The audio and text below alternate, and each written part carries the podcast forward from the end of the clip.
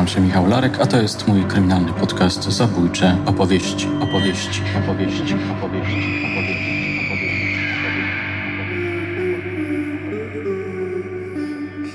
Kilka szybkich pytań do eksperta. Szymon Konwerski, entomolog, biegły sądowy.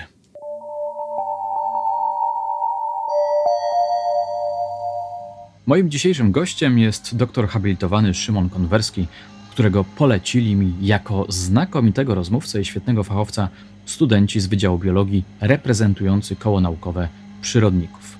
Konwerski to entomolog, koleopterolog, chrząszczarz, jak sam siebie nazywa, kierownik zbiorów przyrodniczych, biegły sądowy.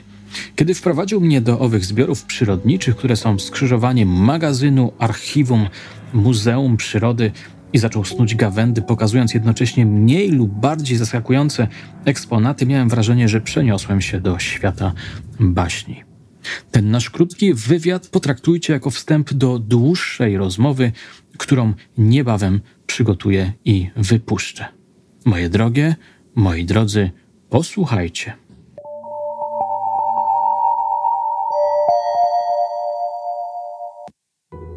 Jak to się stało, że został pan entomologiem? No cóż, jak to się stało, to trzeba przeanalizować całą, całe, całą chyba, znaczy kilka, kilka e, i, istotnych spraw. Ja sądzę, że zaczęło się po prostu od zainteresowania e, i od tego, że te moje zainteresowania... Ale mm, owadami, chrząszczami, czy... Generalnie rzecz biorąc zwierzakami, ale ze specjalnie e, e, najbardziej interesowały mnie drobne e, zwierzaki. A więc teraz bym powiedział stawonogi wszystkie, czyli, czyli to, co tam z większą ilością nóg e, wokół nas się porusza. E, więc to mi się podobało od zawsze, bardziej niż na przykład wiem, rośliny, czy bardziej niż ptaki. Um, mieszkałem, kiedy te, te, ten, ten czas chyba był najistotnej takiej budowania mm, e, fascynacji światem dookoła. Mieszkałem w pięknym miejscu, bo w Szereniawie, czyli Wielkopolski Park Narodowy miałem z, za płotem, czyli wszystko do mnie przychodziło. E, rodzice, którzy e, nigdy nie powiedzieli, żeby coś zostawić, żeby to wyrzucić, zawsze było no, bardzo ciekawe, bardzo interesujące, czyli wspieranie tego zainteresowania. Czyli od tego to się chyba zaczęło. Potem, e, no a potem cóż, potem już taki moment przełomowy to są studia, gdzie Wiem, że chcę e, robić coś e, z bezkręgowców i coś ze stawonogów, ale wcale jeszcze nie do końca wiem, czy to będą owady, czy może jakieś pajęczaki. E, no i to chyba też było tak, że raz zacząłem przyglądać się poszczególnym grupom chrząszcze mnie urzekły wśród owadów szczególnie i to też mógłbym teraz mówić, że zaplanowałem, bo one takie, bo to grupa modelowa i, i, i można na nich wszystko pokazać i wszędzie są, ale prawda jest taka, że po prostu były piękne, e, były różnorodne. O, i tu znowu wracam do, do, do dzieciństwa. Jedna z książek, które miałem i które na mnie do dzisiaj robią wrażenie, to był Mały Atlas Chrząszczy. To jest mhm. książka, no, jeśli ktoś zna, to, to, to wie, pięknie ilustrowana, na tamte czasy przemiła sprawa. No i na studiach możliwość poznawania tych zwierzaków e, bezpośrednio, a więc odpowiedni oczywiście wykładowcy, wyprawy terenowe i e, świadomość, że zaczynam sam e, poznawać te organizmy, o których do tej pory tylko czytałem, że potrafię określić w jakim środowisku, które będą żyły, czyli studia, tak? I co dalej? No to i to już chyba poszło, bo potem było poznawanie. Poznawanie, spędzanie czasu nad binokularem i to też jest istotne, bo to też jest kwestia e, najpierw człowiek postrzega owady jako coś małego w miarę. E, niektóre kolorowe, ale, ale nie robią jakiegoś specjalnego wrażenia. Pod binokularem e, okazuje się, że wszystko to jest piękne. Znowu, znowu wrażenia estetyczne. No a że chrząszczy jest e, w Polsce ponad 6200 gatunków teraz, e, kiedy zaczynałem to i tak było ponad 6000 gatunków, to e, poznawanie kolejnych nowych to było wyzwanie, a więc w teren, odłowy, powrót, preparowanie, oznaczanie, no i, i, i są, można wpaść. Tak, tak, to, tak to zostało. Mhm. Ja myślę, że jakbym jeszcze, o, jeszcze wracając czy, czy jakby nawiązując, bo pytał Pan o entomologię. A będziemy też rozmawiać o tej entomologii sądowej. I tutaj też jeszcze taką małą autopsychoanalizę zrobiłem, Aha. bo tak sobie w tej chwili myślę. Pierwszy wiersz, którego się nauczyłem na pamięć z własnej woli, to był w liceum wiersz e, nieco poza programem Bodlera Padlina. Także mm, ja no, wtedy jeszcze nie miałem pojęcia, że jest entomologia sądowa. E, I no a, a, Ale jak, a jak wpłynął na pana ten e, wiersz? Nie no, fascynujący, tak? Kiedy można pokazać niezwykłe zjawisko, e, zjawisko rozkładu, ale w sposób e, taki, że właśnie wyciąga się mm, no, specyficzne piękno samego procesu, to, to, robiło, to zrobiło na mnie wtedy, na nastolatku, ogromne wrażenie. No i to też jest chyba jeszcze połączone z tym, co mi się później nieco podobało, czy nieco, a może to było mniej więcej w tym samym czasie. E, jeśli chodzi o malarzy, tak, od Salvadora Dali przez e, Gigera do naszego Beksińskiego, więc jakieś tam połączenia, jakieś predyspozycje może i były. Żałuje pan tej decyzji? No tu odpowiedź jest krótka i nie, nie tak. da się wydłużać, nie, nigdy nie żałowałem. Najciekawsze wspomnienie zawodowe.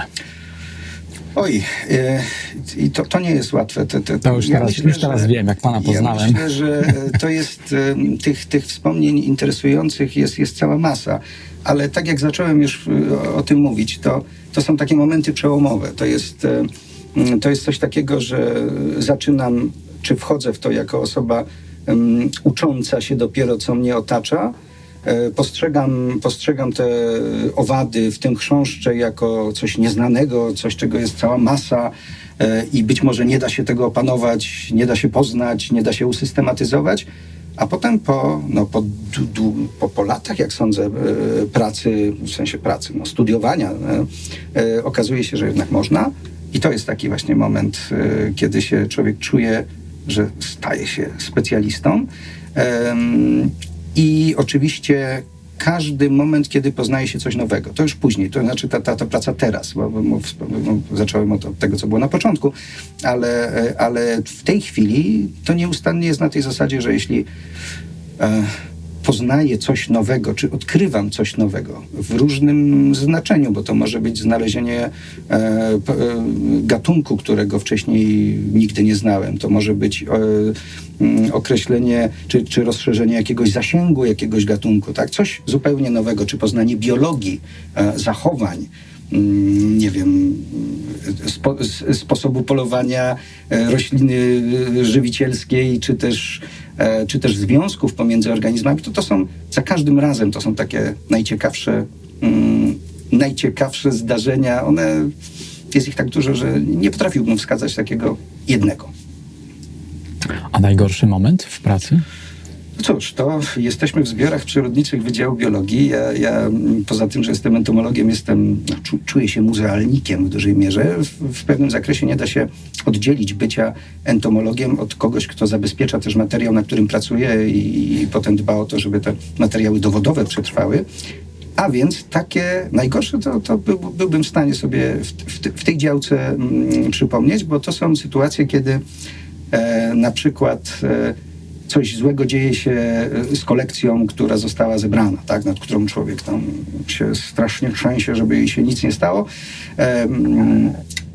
Zagrożeniem dla zbiorów entomologicznych są również owady, zresztą takie, które również w entomologii sądowej są wykorzystywane. E, jest taka rodzina Dermestidae, skórnikowate. To są chrząszcze, które uwielbiają zjadać wysuszone, e, wysuszoną materię pochodzenia zwierzęcego, w tym zbiory entomologiczne. I z nimi wiążą się moje najbardziej nieprzyjemne wspomnienia. To znaczy e, wyjazd na przykład z, na dwa, tygo, dwa tygodnie nie mam, nie mam nie w pokoju. Mój zbiór porównawczy chrząszczy e, zostaje zatem w zasadzie bez opieki. Wracam, zaglądam do gabloty, a tam widzę, że y, larwy skórników pałaszują mi jakieś, jakieś właśnie zebrane kiedyś okazy, a czasami to jest wręcz jak, jak, jak sprawę Murphy'ego, że, że wybierają sobie te najcenniejsze, jakieś wyjątkowo rzadkie. No i te momenty pamiętam do dzisiaj, tak, aż ciarki przechodzą. Mhm. No ale mm, cóż, to jest w tej pracy, no, no to, to, się, to się zdarza. Trzeba to wliczyć w ryzyko zawodowe. Tak jest trzeba uważać, trzeba się starać, ale, ale ta przyroda i tak nam wejdzie do, do, do laboratorium i, i tak zrobi, co chce. Czego nauczył się pan pracując jako entomolog? Ja myślę, że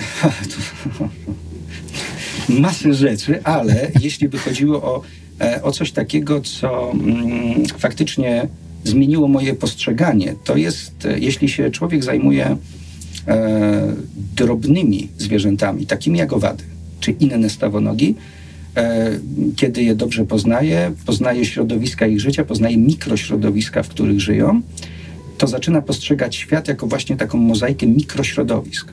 A zatem nie od jakiś las, czy jakaś łąka, czy też jakieś piaszczysko, czy ugory, tylko cała e, masa różnych mikrośrodowisk. E, to może być pojedynczy pień, dziupla w drzewie, to może być, e, no nie wiem, jakaś, jakaś roślina konkretna. E, I świadomość, że to od tych mikrośrodowisk zależy obecność poszczególnych gatunków stawonogów, jakie, jakie tam spotkam. I pewna satysfakcja, że, że no, człowiek zaczyna postrzegać też inaczej. Kiedy jestem gdzieś w terenie, tak, to przyglądając się jakiemuś e, środowisku, jestem w stanie oszacować, co też tam może występować. No i czasami się nie mylę, czasami się oczywiście bardzo dziwię i mylę, ale to są znowu te bardzo przyjemne momenty, bo no cóż, są takie obszary, na których prowadzi się badania, myślę o miejscach, tak?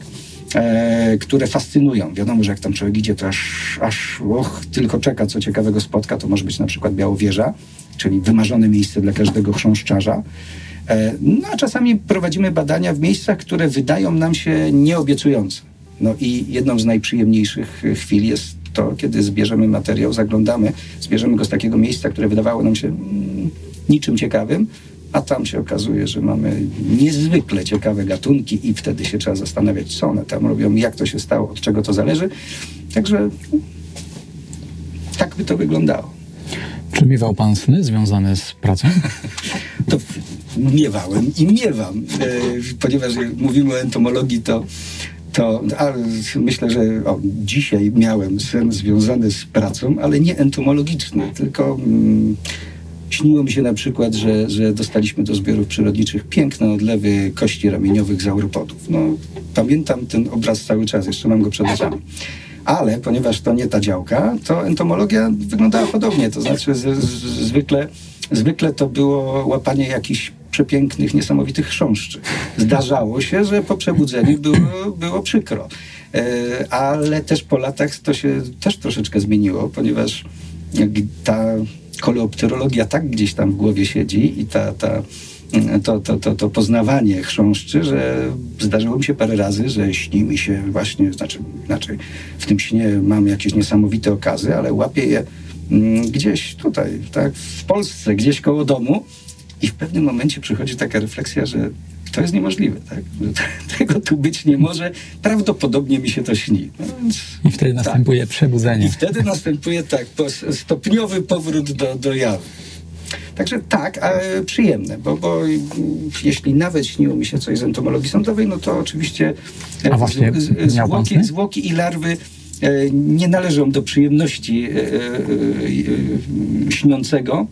E, czy, czy nie sprawiają przyjemności śniącemu, bo, bo, bo, bo nie mają jak. E, z tego, co kojarzę, jakieś były, ale to jak to zwykle ze snami. Było to związane na przykład z tym, że, że spędzałem tam długie tygodnie nad jakąś e, opinią. No, siłą rzeczy to musi oddziaływać, ale zdecydowanie przeważają te przyjemne. Także e, gdzieś tam poza racjonalnym naukowcem tkwi ten, nastolatek, który, który po prostu był zafascynowany mm, e, pięknem tych niesamowitych zwierzaków. Ale to chyba jest zupełnie normalne, dlatego że o ile pamiętam, to i Darwin mówił, że i to już jako, jako uznany, uznany na całym świecie mm, naukowiec, że za każdym razem, kiedy widzi jakiegoś rzadkiego chrząszcza, to aż w nim wszystko się budzi e, do życia. Także tak to jest z entomologią i chrząszczami zwłaszcza. Czyli, a śniło się panu kiedyś, że był pan jakimś policjantem, detektywem, który robi oględziny tak, zwłok? To, tak to inaczej, inaczej. Znajdowanie zwłok to mi się śniło, ale, ale, ale no, myślę, że nie, nic takiego, co, o czym warto by było opowiadać. Co chciałby pan przekazać naszym słuchaczkom, słuchaczom? O, no, przede wszystkim jako entomolog, o właśnie, to, to jest, mam takie coś, taką, coś, coś, co nawet bym określił jako misję kogoś, kto się tym zajmuje. E, stosunek ludzi do owadów jest generalnie e, negatywny, a co, naj, co najwyżej e, obojętny.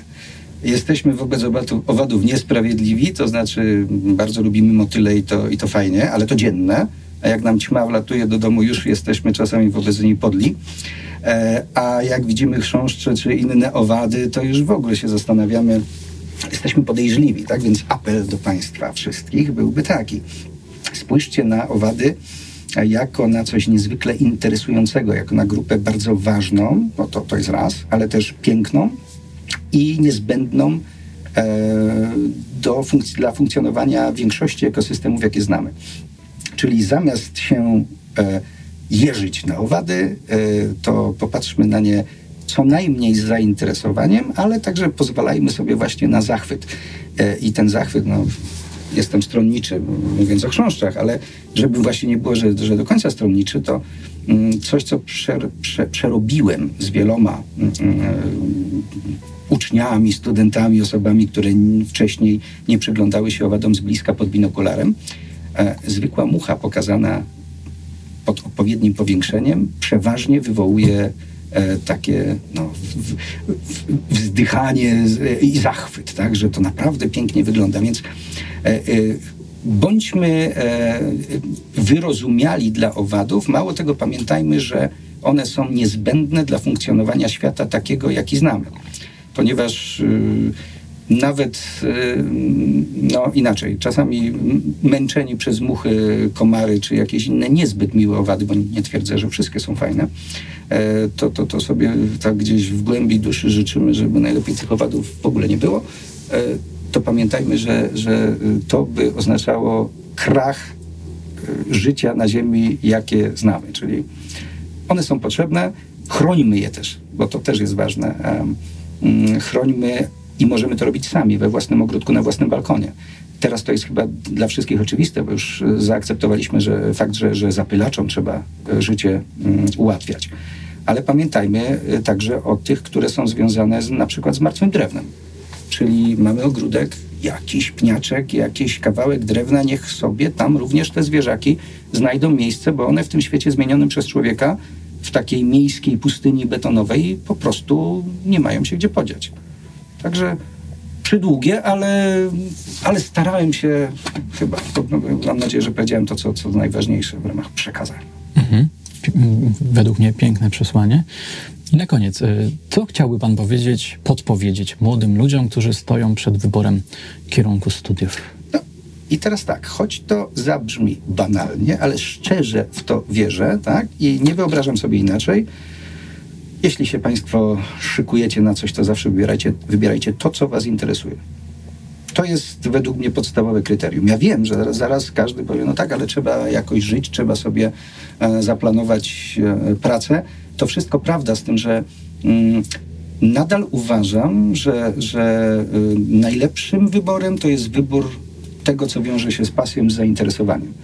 Bo nawet jeśli nie uda się tego kontynuować zawodowo, albo mało tego, jeśli się nawet będzie to kontynuować zawodowo, a, a i tak człowiek będzie ledwo wiązał końce, koniec z końcem, to zawsze e, pozostaje to, co fascynuje jako, e, jako coś, co, co, co pomaga, coś, co ratuje, tak?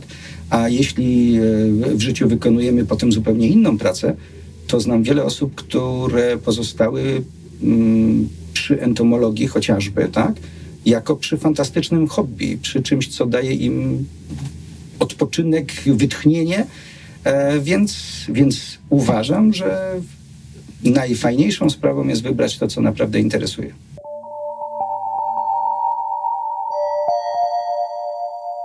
Znacie wspomniany wiersz Bodlera pod tytułem Padlina? Oto jego początek w tłumaczeniu Bogdana Wyczgi, które znalazłem w wydaniu z 1927 roku.